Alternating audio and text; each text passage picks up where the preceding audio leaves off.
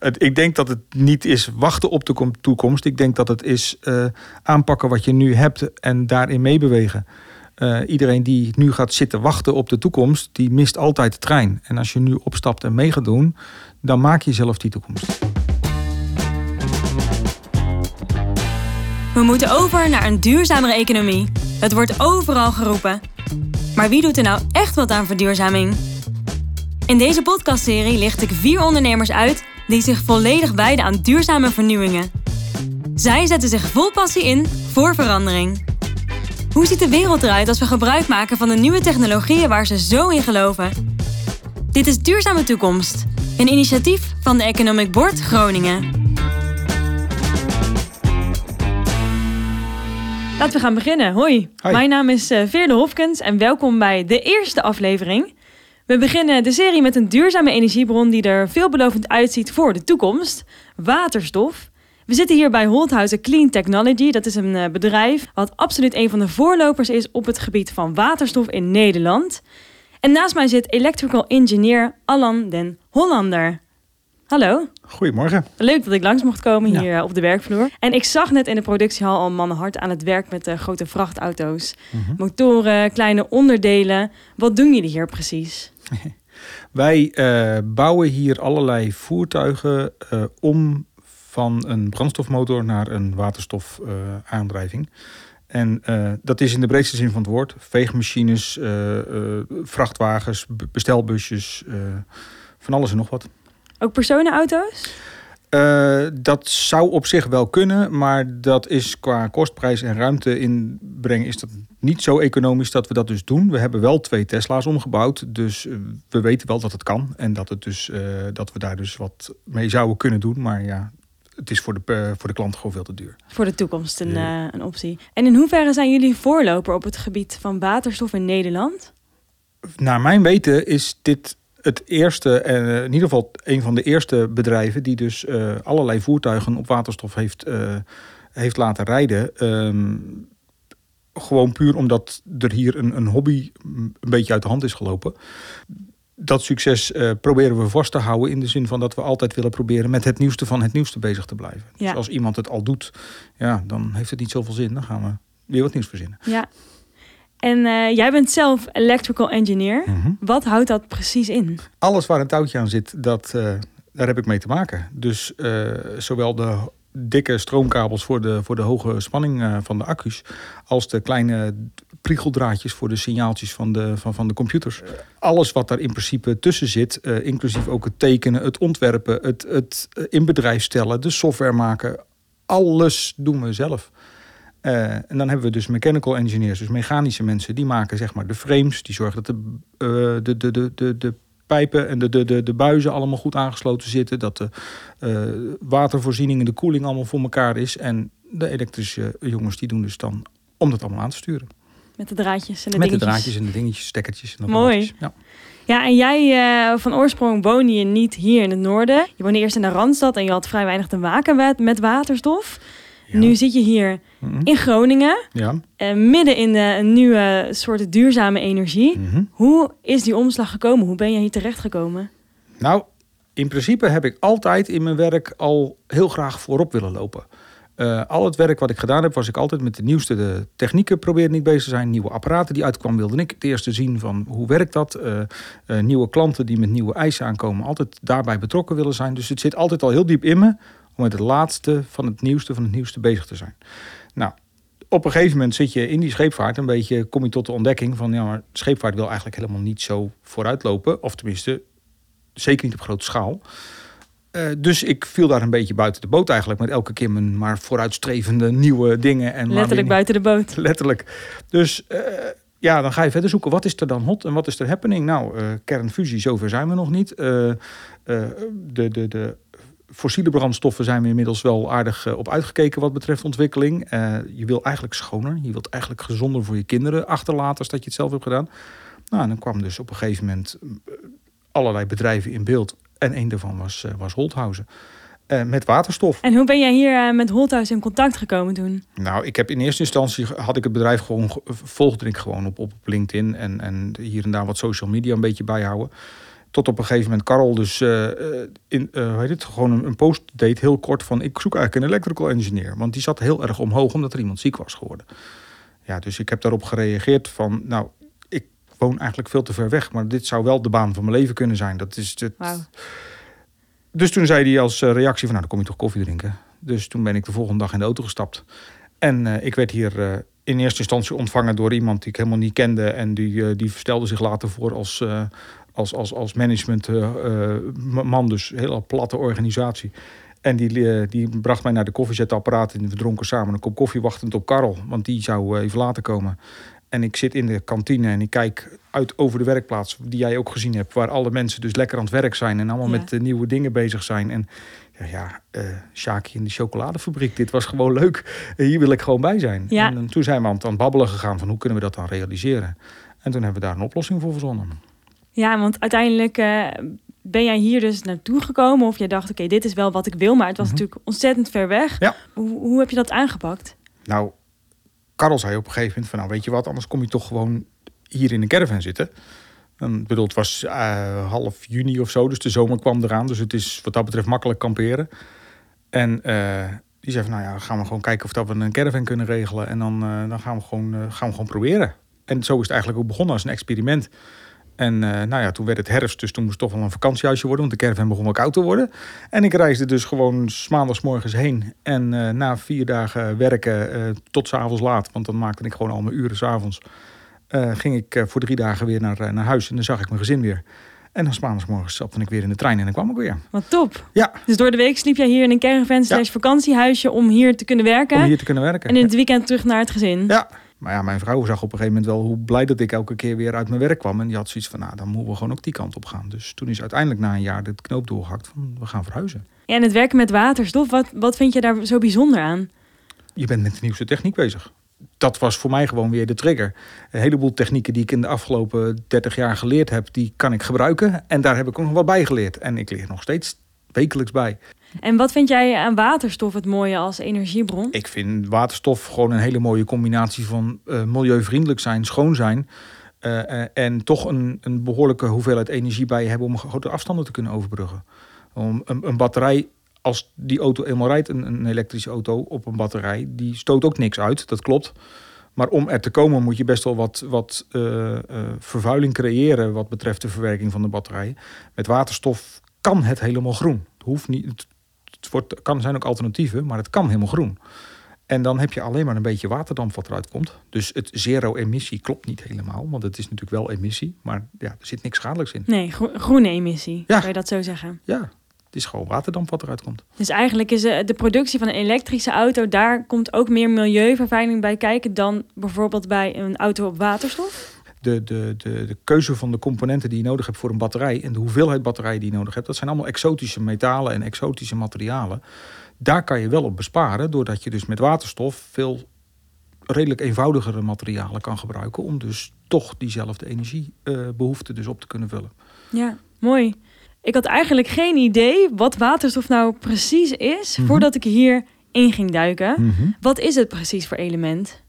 Uh, waterstof is in principe het eerste element van, de, van het chemische uh, periodiek systeem, zoals ze dat dan noemen.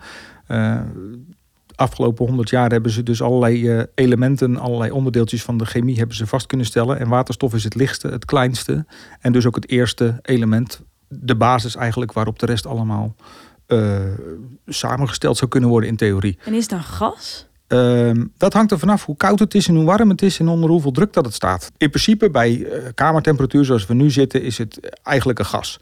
En het komt niet eens vrij in de natuur voor, omdat het zich namelijk heel graag bindt aan andere stoffen. Aan, uh, aan, aan koolstof, aan zuurstof. Aan... En als je dan dus ook naar de chemie gaat kijken, als het zich verbindt aan koolstof, krijg je bijvoorbeeld C, koolstof, H4, dus 4 waterstof, aardgas. Oké. Okay. Ja. Of H2O, twee waterstofjes en één zuurstofje, maakt water. Ja. En uh, zo kan je dus dat, zo zie je dus dat waterstof eigenlijk zich heel graag klit. En dat merk je dus ook in de praktijk. Als je waterstof laat ontsnappen, dan is het heel snel weg en is het ook heel snel weer opgenomen in de natuur. Ja, ook omdat het een licht element is dan. Ja, het vliegt met 18 meter per seconde de lucht okay. in. Dus op het moment dat jij iets laat lekken, dan zit het al tegen het plafond voordat je kan uitademen. Dus dat zo, ja, het is heel vluchtig. Ja. En hoe krijg je het? Wat moet je daarvoor doen? Uh, in principe moet je dan de elementen waar het zich graag aan hecht, moet je weer uit elkaar trekken. Dus als je aardgas hebt en je gaat dat dus dan uh, onder hoge druk en onder allerlei temperaturen vermengen met water, dan kan je op een gegeven moment waterstof daaruit halen. Je kan ook water onder stroom zetten. En dan gaat het op een gegeven moment bubbelen. En aan de ene kant gaat het zuurstof bubbelen. En aan de andere kant gaat het waterstof bubbelen. Dus door elektriciteit, door het water te laten gaan, Mhm. ontstaat er dus waterstof Ja, en zuurstof. en zuurstof. Nou, zuurstof ademen we allemaal in. Dus dat kan zo de natuur in.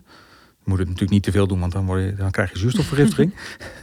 en waterstof vangen we op. En dat douwen we dan met heel grote druk weer op elkaar. Want het, als het natuurlijk zo ontstaat uit water, dan heeft het natuurlijk de normale druk van buiten. Uh, dus dan persen we het bij elkaar, zodat het uh, 300 of 700 bar uh, is. En dan douwen we het in een tank en dan kunnen we erop rijden.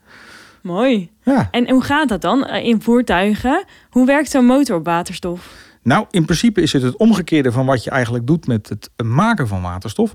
Want we hebben dus uh, uh, uh, allemaal platen achter elkaar zitten in zo'n brandstofcel.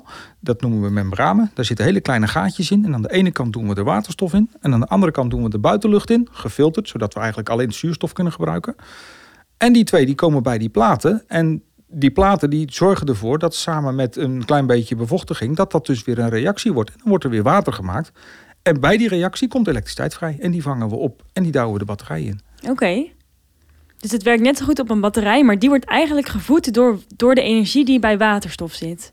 Ja, dat klopt. En kun je waterstof en een waterstofmotor gebruiken voor allerlei soorten voertuigen of heb je daar een specifieke types? Nou, even ervan uitgaande, zoals dat we net over hadden, dat dus waterstof elektriciteit maakt, maakt het eigenlijk niet uit waar je dan uh, waterstof uh, of elektriciteit aan gaat leveren. Je kan zelfs vanuit je zonnepanelen op je huis uh, water onder stroom zetten, je eigen waterstof maken, in een ballonnetje opvangen, terug je fuelcel in doen en je lampen s'avonds weer laten branden. De theorie klopt.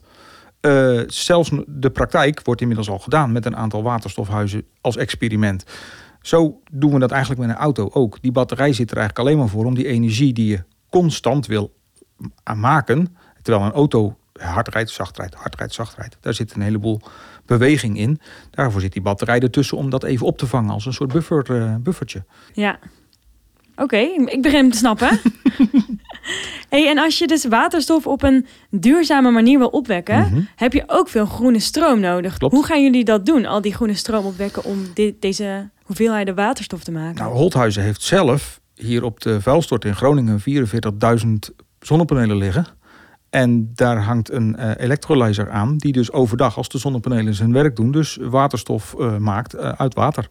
Dus wij maken al volledig groene waterstof uit onze eigen productiefaciliteit. Het is dus nu aan de grote bedrijven uh, als Shell en, en andere uh, grote elektriciteitsbedrijven om dus te zorgen dat wij schone elektriciteit kunnen krijgen om dus al die waterstof te kunnen produceren. waterstof is redelijk makkelijk te transporteren, ook door een leiding bijvoorbeeld. Dus je zou ook kunnen zeggen, we hebben in de Alpen heel groot hoogteverschil. Daar zetten we waterkrachtcentrales achter. Die maken het waterstof en die pompen we dan door een leiding door Europa heen. Ja. Zou kunnen. Dan maak je al gebruik van iets wat er natuurlijk is, zonder dat je hele velden hoeft te, te vol te gooien met zonnepanelen. Ja. Heel veel uh, oliebedrijven hebben het afgelopen jaren behoorlijk tegengewerkt. Terwijl ze dus een onderdeel van de oplossing zouden kunnen zijn in plaats van een onderdeel van het probleem. Ja. En, dat, uh, en daar beginnen ze ook wel langzaam maar zeker wel een beetje uh, in te stappen en een beetje bewust van te worden. Nou, ik hoorde toevallig hierheen in de auto op de radio een reclame van Shell over waterstof. Mm -hmm. En dat ze daar dus ja. mee ja, aan de slag willen gaan. Ze zijn wel bezig, ze moeten ook. Dat is ook de, de reden waarom hier in Groningen dus de gasunie bijvoorbeeld ook bezig is met onderzoeken en testen om dus het huidige gasnet dus waterstof te laten vervoeren. Om dus te kijken of dat daar dus uh, naar de huishoudens toe getransporteerd kan worden. Nou, dat zijn in, in basis uh, goede dingen. Moeten natuurlijk altijd aanpassingen gedaan worden, omdat het allemaal net even anders reageert. Maar het ziet er op zich wel hoopvol uit. Ja. En uh, jij zelf, je bent bezig met meerdere projecten op het gebied van waterstof. Ja. En eentje daarvan is, is een project met een oude boot van astronaut Bubbo Okkels. Klopt. Wat gaan jullie daarmee doen? Nou, die boot is, um, dat is een zeiljacht van, van een meter of 15. Uh, die ligt in Lauwersoog en die is uh, inmiddels eigendom van een stichting die dus uh, eigenlijk de hele Waddenzee en alles duurzaam wil maken. en als demonstratieschip wilden ze heel graag de wens van Wubbo Okkels vervullen om hem dus op waterstof te krijgen. Want het was echt zijn wens? Ja, want toen die dus gebouwd is, toen was de techniek nog veel te duur om te maken. Dus toen had hij al wel heel veel innovatieve en uh, uh, eigenlijk vooruitstrevende technieken al in die boot zitten. Onder andere dat er dus elektriciteit gegenereerd kon worden van het, tijdens het zeilen met het draaien van de schroeven. Dat je terug kon winnen uit het water. Dat zijn allemaal dingen die toen heel erg nieuw waren. Alleen er moesten dieseltjes in staan, want hij kon dus niet, hij kon nog niet op waterstof. Nou, inmiddels zijn die dieseltjes overleden, zijn die dieselmotortjes eruit gehaald en hebben we dus een waterstofsysteem erin gezet. En heeft hij de eerste, uh, de eerste uh, uh, kilowattuur energie al kunnen leveren. En had hij er zelf ook al wat aan gesleuteld? Nou ja, hij, hij heeft heel veel erin ontworpen. Uit de, hij heeft uit, de, uit de ruimtevaart heeft hij bepaalde accu-technologie heeft hij meegenomen. Heeft hij uh, uh, warmte terugwinnen uit de douche en uit de uh, waterafvoer heeft hij er al ingebouwd of in laten bouwen. het terugwinnen van energie als die aan het zeilen is door het draaien van de schroeven en dat soort dingen had hij er al in zitten. Dus er zijn al heel veel dingen die dus innovatief zijn aan dat schip voor de tijd dat hij gebouwd is. Maar daaraan kan je zien dat Wubbo dus echt wel heel erg bezig was met die toekomst. Ja, en wat is het doel? Want je wil het eigenlijk gebruiken om te laten zien dat het kan. Mm -hmm. um, maar, maar, wat wil je hiermee bereiken? Dat de grote schepen ook op waterstof overgaan? Nou ja, het, het idee is om, uh, tenminste, dat heb ik begrepen van de stichting Wat Duurzaam ook, dat dus de, een Waddenzee, wat natuurlijk een natuurgebied is in principe, waar ook gewerkt wordt, dat ze dus gaan proberen die vloot die daar dus, zich, uh, die, die, die, daar dus zeg maar aan het werk is, de vissersboten, maar ook de, de, de havenbootjes en al dat soort dingen, zo duurzaam mogelijk te laten fungeren, zodat ze dus zo weinig mogelijk uh, uh, belasting op dat natuurgebied uh, neerleggen. En hoe haalbaar is het dan om bijvoorbeeld echt zulke grote vrachtschepen later op waterstof te laten varen? Is dat een doel? Ehm, omdat het een gas is, moet je het in een soort campinggastankje moet je het doen. Nou, die zijn iets groter bij ons. Die zijn een paar meter lang en die zijn een halve meter doorsnede grofweg. Wow. En daar zit dus op een bepaalde druk, 300 of 700 bar, zit daar dus de waterstof in opgeslagen. Voor een schip is dat natuurlijk in principe niet handig om zoveel van die volume opnemende uh, uh, opslagmedia, dus zeg maar, te, te, te, kwijt te kunnen aan boord. Dus ze zijn nou volop bezig met een experiment of dat ze waterstof in een andere vloeistof kunnen onderbrengen zodat ze het er later uit kunnen halen om het te gebruiken als uh, aan boord. En dat ze dan dus de vloeistof waar ze het in vertransporteerd hebben, weer terug kunnen geven aan de wal. Om het dus weer opnieuw te laten vullen. Dan krijg je een mooie cirkel van een transportmedium. Omdat ze dan eigenlijk zo minder ruimte en minder opslagruimte ja. nodig hebben ja. voor de energiebron. En dat het veel makkelijker te transporteren is. Want gas is natuurlijk onder druk altijd kwetsbaar. Want zo'n tank gaat niet zo makkelijk kapot. Maar als er een lek in je leiding zit, of als je een aanvaring of een botsing hebt en je leiding knapt, dan moeten dus heel veel veiligheidsmiddelen moeten dus zorgen dat dat dus allemaal veilig afgevoerd wordt. En daar zitten allemaal eisen aan, ook binnen de LPG en andere gassen die er allemaal zijn. Op het moment dat het een vloeistof is, kan je het in allerlei hoekjes en gaatjes laten lopen. Het het is veel makkelijker te verpompen, want je zet gewoon een pompje op en je pompt het naar de andere kant. Dus daar zitten heel veel voordelen aan als dat makkelijker zou kunnen. En willen jullie dan niet in een soort van vloeistofmanier gaan werken? Dat, dat zouden we denk ik best wel overwegen. Maar op dit moment is die technologie nog zo nieuw dat we dat nu helemaal nog niet kunnen doen. Nu hebben we gewoon, ik geloof, 15 auto's rondrijden. Die er gewoon op onze systemen gewoon rondrijden. Dat had dan nog niet gekund als we daarop hadden moeten wachten. Ja. Want inderdaad, hoeveel auto's rijden er echt volledig op jullie systeem op waterstof? Een uh, aantal vrachtwagens, aantal uh, bedrijfswagentjes. Ik denk dat het inderdaad zo rond de 15 uh, voertuigen sowieso is. En wat gaat dat zijn over een jaar? Nou, als het allemaal een beetje van zijn plaats wil komen, dan gaan we dus. Uh, de, de, dan, we zijn nu een fabriek aan het bouwen in, uh, in, in Winschoten. Daar gaan we dus zo meteen uh, honderden vrachtwagens per jaar bouwen. Ja. Dus die, de, de, die curve van die, die, die opschaling, die, zit, die komt er nu aan. Over de toekomst uh, van waterstof gaan we het zo meteen over hebben. De meest onmisbare uitvinding ooit gedaan. We hebben het rubriekje. Elke gast die houdt zich veel bezig met innovaties, vernieuwingen. En jou de vraag, wat is uh, ja, de meest onmisbare uitvinding ooit gedaan? Oeh, daar moet ik even over nadenken. Uh, ik denk elektriciteit. Ja? Ja, anders dan zouden al die auto's niet rijden. dat is wel een verwachte uitvinding, ja. Ja, ik bedoel, het, het, het feit dat we begrijpen hoe de bliksem in elkaar zit en hoe dat dus elektrische energie van de ene naar de andere plek vervoerd kan worden en dat we dat kunnen beheersen, is denk ik na het vuur het belangrijkste wat we, wat we op dit moment in, in onze macht hebben om dus de toekomst te vergroenen. Ja, het is eigenlijk magisch hè, dat je weet hoe dat werkt. Ja, want je ziet het niet. Je voelt het wel als je een keertje eraan blijft hangen, dat, uh, dat wel. Maar je, nee, je, je ziet er niks van en toch is het er. Ja, bijzonder eigenlijk, ja. En daar kunnen we zoveel mee. Ja, ja van lampen in huis tot uh, je, je, mobiel, je mobiele telefoon. Nou ja, kijk maar wat, voor daar, wat daar allemaal voor technologie in zit, wat allemaal op diezelfde stroom werkt. Ja, je denkt er ook helemaal niet meer over na. Het is er gewoon. Ja, ja het is er. En uh, het is aan, aan ons en aan alle andere innovators om dus uh, daar steeds meer uit te halen. Ja. En als je kijkt naar de toekomst, wat denk je dat er nodig is om de wereld snel te verduurzamen? Uh, ik denk dat er vooral voor nodig is dat in eerste instantie de westerse landen, maar sowieso de hele wereld zich persoonlijk bewust moet zijn van uh, de keuzes die we maken. We verspillen zo vreselijk veel dat als we dat niet meer doen, dat we al een enorme stap maken. Uh, en dat zit hem ook in de manier waarop dat we onze ons eten verpakt hebben in de supermarkt met al het plastic eromheen. Uh, dat uh, in de, de, de hoeveelheid uh, bestelbusjes die rondrijden om pakketjes rond te brengen. Terwijl dat dus eigenlijk allemaal milieuvervuiling is in basis. Zo zijn er denk ik nog heel veel dingen die we zelf kunnen doen. Niet per se sec elke burger, maar wel elke maatschappij. Ja, en in ieder geval bewustzijn creëren ja. dat je daarmee bezig bent. Ja. Vind je dat dat al genoeg gebeurt?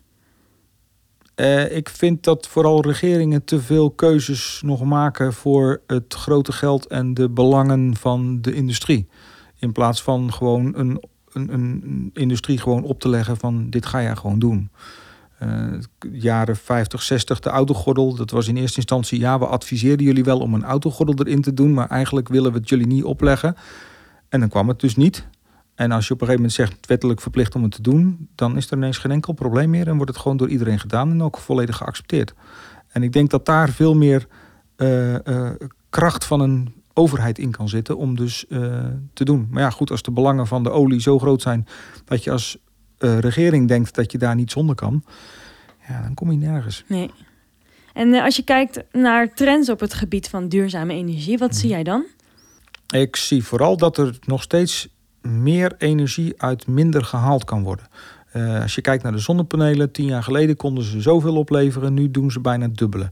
Uh, en dat gaat alleen nog maar door. De technologie staat nog lang niet stil in, in, in efficiëntieverbetering, in uh, kwaliteitsverbetering en al dat soort dingen. En ik denk dat dat dus voorlopig nog de trend is. de computers worden nog steeds sneller, ze kunnen nog steeds meer. De, de, ook de fuel cells, de efficiëntie wordt steeds beter technologie kan zich nog gewoon veel meer ja. ontwikkelen. Ja, ja, ja, en die ruimte is er gewoon nog steeds. Want zolang als dat de computers blijven versnellen, komt alles eromheen ook nog steeds mee. Want ja. wij hebben straks ook weer een snellere computer in die auto zitten om alle processen weer beter te beheersen. En dan haal je er ook weer meer uit. Ja. Mooi. Kan niet wachten tot het de toekomst is. nou ja, het, het, ik denk dat het niet is wachten op de toekomst. Ik denk dat het is uh, aanpakken wat je nu hebt en daarin meebewegen. Uh, iedereen die nu gaat zitten wachten op de toekomst, die mist altijd de trein. En als je nu opstapt en mee gaat doen, dan maak je zelf die toekomst. Ja, mooi. Goeie oproep. Hey, en wat denk je dat er nodig is om mensen te overtuigen om over te stappen op waterstof? Ik denk niet dat je de burger uh, die beslissing kan, uh, kan laten nemen, zolang als dat er dus nog zo'n hoog prijskaartje aan zit ik denk dat het juist uh, een, een, een, zoals nu een gemeente Groningen, die zo vooruitstrevend is om dus diverse waterstofvoertuigen al uh, te hebben uh, en daar dus mee rond te rijden, juist een voorbeeld moet zijn voor de burger om, dat dus, om daarin op te vallen.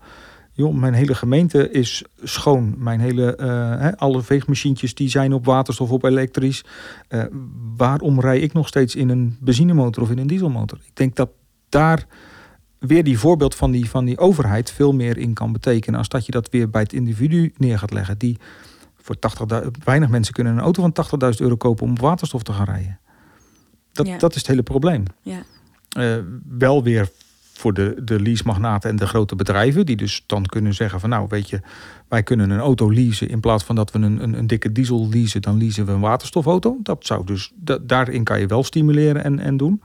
Maar gaat niet op de persoon op de burger neerleggen. Want dat, die, die kan dat gewoon nog niet behappen. Nee. En qua hoeveel, jullie hebben nu iets van eh, 15 echt waterstofvoertuigen ontwikkeld die rondrijden. Mhm. Hoe snel gaat dat stijgen? Wanneer rijdt Nederland hierop? Ehm, nou ja, qua vrachtwagens kan het heel snel gaan. Omdat nou ook de, de, de fabriek eh, loskomt. En, en, en daar dus echt wel, wel stappen in gaan maken. Eh, kleinere voertuigen is denk ik ook nog even wachten op de eh, optimalisatie van de technologie. Omdat je dus de ruimte gewoon in het voertuig nog op dit moment allemaal gebouwd en berekend is op de verbrandingsmotor. En dat wij dus eh, moeten schipperen om het er allemaal in te krijgen. Denk ik dat dat nog heel eventjes aanloopt. Maar geef het een jaar of tien, dan denk ik dat de 200 eh, waterstofauto's die er nu in Nederland rondrijden, personenauto's, dat dat toch wel vertienvoudigd is op zijn minst. En qua vrachtwagens, wanneer denk je dat die helemaal vervangen zijn door, door een waterstofvrachtwagen? Nou, ik, ik denk dat je het. als je het over de hele wereld gaat kijken, duurt dat echt nog wel 50 jaar. Want dan zullen er echt een aantal landen bij zijn die het gewoon erop aan laten komen totdat dus de diesel echt niet meer te betalen is. Ehm, ik denk hier in Europa, zeker als de wetgeving het een beetje eh, scherp blijft houden, dat we dus eh, steeds schoner moeten gaan. eh, dan, dan, blijft die, dan blijft, gaat het alleen maar harder. Dan, dan, dan moeten daar ook steeds meer bedrijven zich in gaan doorontwikkelen. Ja. Ook de grote merken. Daar gaan we naar uitkijken dan. Ja. We zijn eh, aangekomen bij het eind van de podcast. Mhm. Dank je wel voor je tijd. Graag gedaan. Wil je nou meer zien van Holthausen Clean Technology? Check dan het bijbehorende programma Aniek at Work. Actrice Aniek Pijver werkt een dagje mee aan het bouwen van een waterstofmotor en meer. De link die vind je hier in de beschrijving. Tot de volgende, dank je Alan. Graag gedaan.